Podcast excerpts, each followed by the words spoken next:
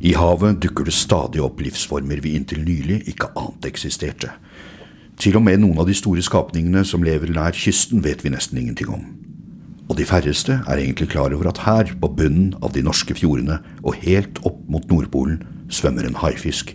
En urskapning som kan bli sju-åtte meter lang og 1200 kilo tung. Den kan bli større enn en hvithai, og er dermed verdens største kjøttetende hai. Marinbiologer har nettopp oppdaget at den kanskje kan bli 500 år gammel. 500 år! Det betyr at den er jordas desidert lengstlevende størreskapning. Et umettelig monster med mange hundre millioner års evolusjon i ryggen. Det er H-kjerringa.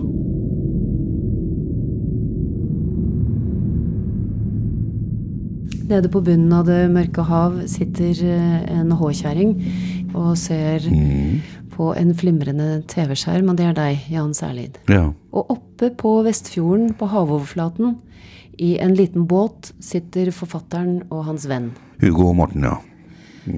Og dette er da Morten Strøksnes som har skrevet Havboka. ja. Det er jo også én historielinje der, og det er jo selvfølgelig kameratskapet mellom Hugo og Morten.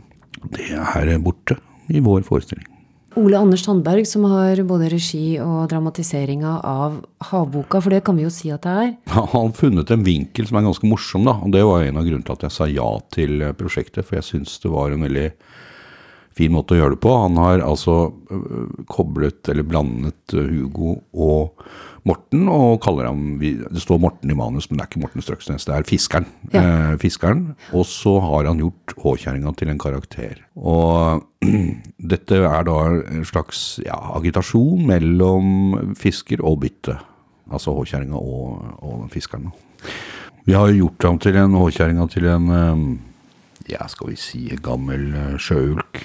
En eh, skipskaptein, eller ja, hva skal vi si. Han er jo en menneskeskikkelse. Um, nei, han sitter der på bunnen, da, med, og det, han, sitter, han sitter jo i en stol og har et TV-apparat der og, og sånne ting. Da, så det er litt småabsurd. Men uh, på den TV-en så eh, er det eh, fiskeren som har et uh, naturprogram. Og i dette naturprogrammet så skal han ut og fange en H-kjerring eh, fra en liten båt. Og dette ser H-kjerringa på. H-kjerringa er et veldig ensomt dyr. Alene dyr, i hvert fall. Eh, Jeg tror ikke akkurat den føler seg så veldig ensom, akkurat. Jeg har vel ikke noen følelser sånn sett. Så slenger de altså ut et åte for å fange denne H-kjerringa.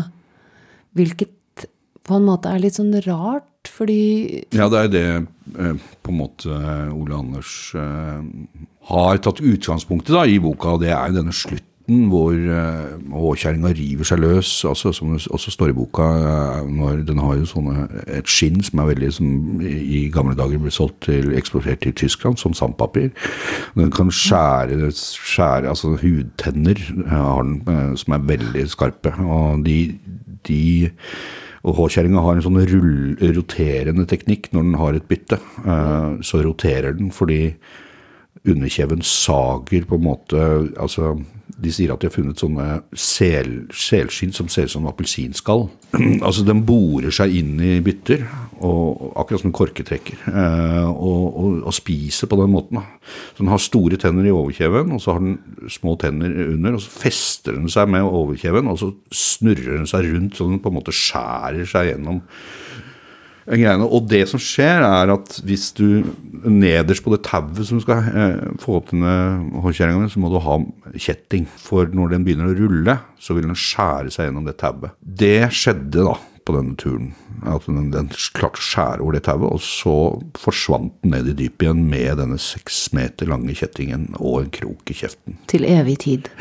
Kommer han antageligvis til å dø da, der nede med den kjenningen. Og det er jo litt av problemet i boka. Eller det er liksom det, det er satt opp mot da, denne fantastiske naturbeskrivelsen, og ikke bare naturen, men universet.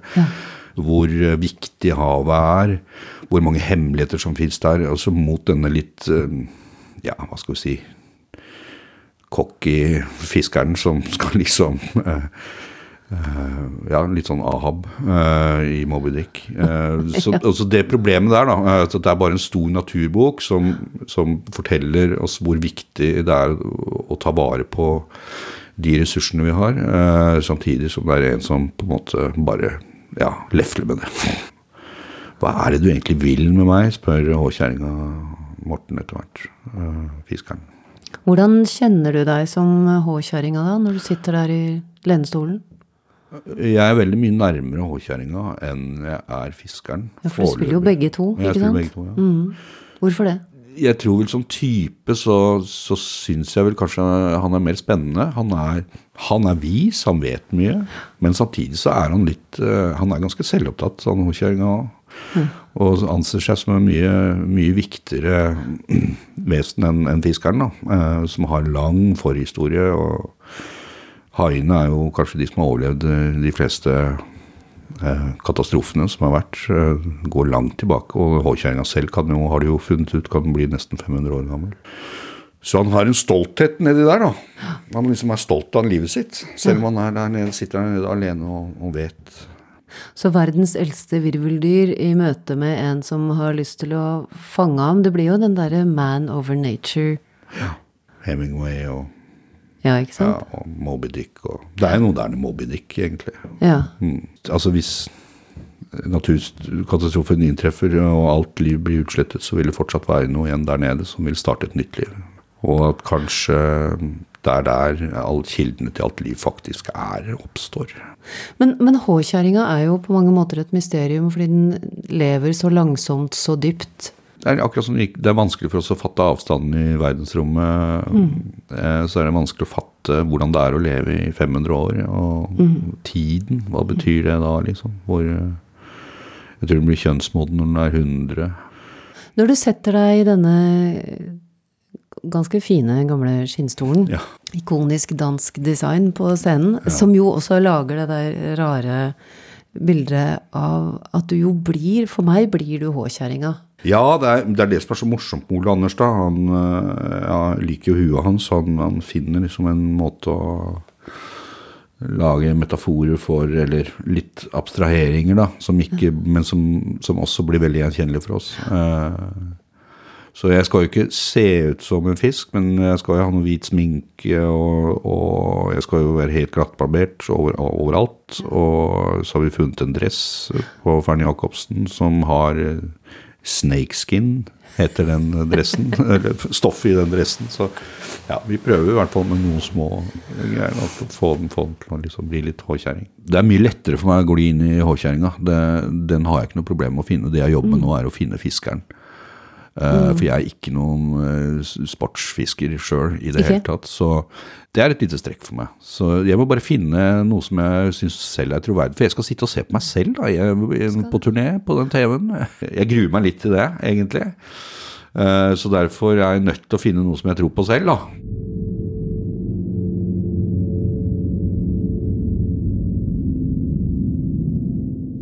I det fjerde århundret før vår tidsregning seilte den greske astronomen og geografen Peteas mot England.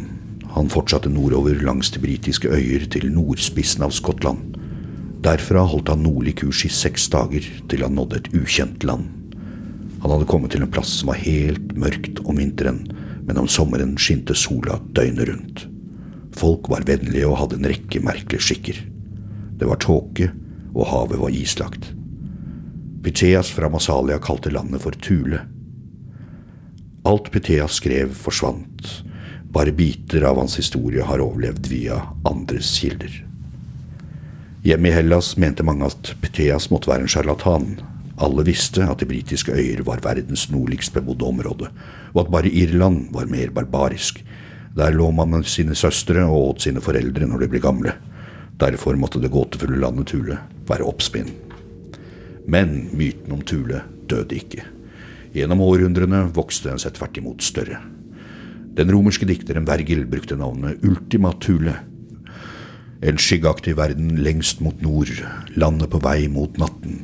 Det kjennetegnes ikke av tomhet, men skjønnhet, renhet, stillhet og en lengsel etter alt dette.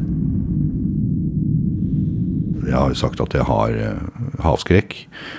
Eh, altså, altså, jeg tør ikke å svømme for langt ut på havet. Jeg blir eh, livredd når jeg Når du har dyp under deg, Ja.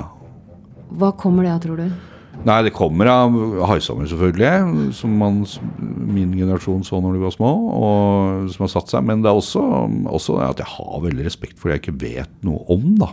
Uh, og, ja, og der de, de kontrollerer det, de omgivelsene, ikke jeg.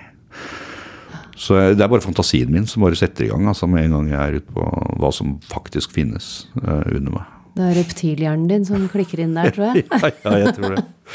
Da kan du også kjenne på det når du ligger helt i overflaten, sant? og du veit at under meg er det 60-80-100-200 Ja, ja.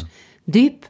Og langt nede der er det en eller annen som lurer på om jeg er en lunsj. Og så finner du ut at du ikke er det, selvfølgelig. Hvilket haier Og ofte det skjer jo, som det også sies i stykket og i boka, det skjer veldig, veldig, veldig sjelden. At haier angriper mennesker. Men i motsatt fall skjer det hele tiden at vi angriper haier? Absolutt. det er jo helt eh, Jeg husker ikke de tallene nå, men det er noen tall der som er helt eh, Altså, proporsjonene er i forhold til hvor mange haier som blir drept, eh, i forhold til hvor mange mennesker som blir drept av hai, det, det er og, den, og denne skrekken, eller blandingen av, av, av, av skrekken for, for, for det som er på dypet der, samtidig som fascinasjonen. Da. Jeg er veldig fascinert av verdensrommet, og, men også det som foregår, altså det som finnes der nede. da. Forestillingen og bearbeidelsen har eh, et miljøaspekt som, eh, som er veldig viktig, men den, den har ikke noen pekefinger. Det er gjennom dramatiseringen mellom disse to skikkelsene som, som budskapet kommer fram, da, uten at det blir eh, folk, eller publikum, vil gjennom oppdagelsen av dette forholdet mellom de to eh, forstå viktigheten av, av havet, uten at jeg sier det liksom eh, Ja, uten at det blir politisk. Ja. Akkurat den perioden her er det også veldig vanskelig å gjøre et intervju om forestillingen. Fordi nå, nå er det på idé Eller vi, vi er på et kreativt stadie. Vi har liksom ikke landet helt Og dette intervjuet gjøres eh, helt mot slutten av 2018. eh, Noen uker før stykket begynner sin turné med Riksteatret. Og alle dere som skal se stykket kommer- noen uker. Fire uker, Fire uker, ja. det håper jeg. Ja. Presist fire uker. Nei, eller fem. Ja. Mm. Men alle dere som hører denne, denne lille podkasten med Jan særlig, dere kan tenke litt på at da dette intervjuet ble gjort, så eksperimenterte man seg fortsatt fram til det dere kommer til å se når dere ser stykket. Og når dere har sett stykket, vet dere for det første mye mer om H-kjerring. Ja. Det er jo en litt sånn klassisk smågretten gammel fyr som sitter foran TV-en og kommenterer alt. Mm. ja, det er det også. Ja. Ja, det er veldig gjenkjennelig, da. Mm. Han er jo, og han har jo masse spritflasker rundt seg på gulvet. Ja. Og masse bøker. Ja. Uh, han er vis, men han drikker mye sprit og. Og det, grunnen til at vi har de spritflaskene, det er jo Ole Anders igjen da, som har liksom flytta det over. Og det er at i gamle dager så brukte islendingene de brukte marinert sel, marinerte selunger når de skulle fange håkjerring. Som de hadde lagt på sprit. Det er også noe håkjerringa sier i forestillingen. Han skryter av islendingene fordi de hadde gått eh, åtte. Mens eh, mens eh, fiskeren i stykket bare har en sånn høylandsokse som råtten høy, høylandsfe. Hvorfor marinerte de den på sprit, veit du det? Den lukta. Det er altså den, det, den lukta det, er, det, blir, det blir som en eh, sirene av uh, lukt Ja. der nede. Ja. Og fordi de kan ikke dra En håkjerring kan jo gå ned på 1200 meter, så de kan ikke dra en håkjerring i 1200 meter. De er nødt til å få den opp. Så de legger åte ned eh, på noen hundre meter. 300, eller ja, det er noe, Tallene er jeg ikke helt sikker på, men i hvert fall mye grunnere enn det åkjerringa går. Og så sprer den lukta seg nedover. Og så lukter åkjerringa seg eh, opp til åte, og da blir det kortere vei å dra fisken opp, da. Men før det sitter han i snakeskin-dress fra Ferner Jacobsen Ja. eh, og hvit sminke og ser på en TV-skjerm på Riksteatrets eh, oppsetning av Havboka med deg, Jan Særlid, som håkjerring og som fiskeren på toppen av Vestfjorden.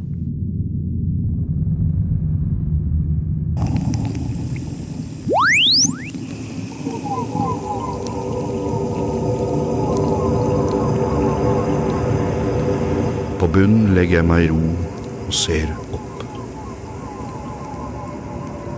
Over meg er det krusninger. Et dirrende blått lys på overflaten. Grensen til en helt annen verden.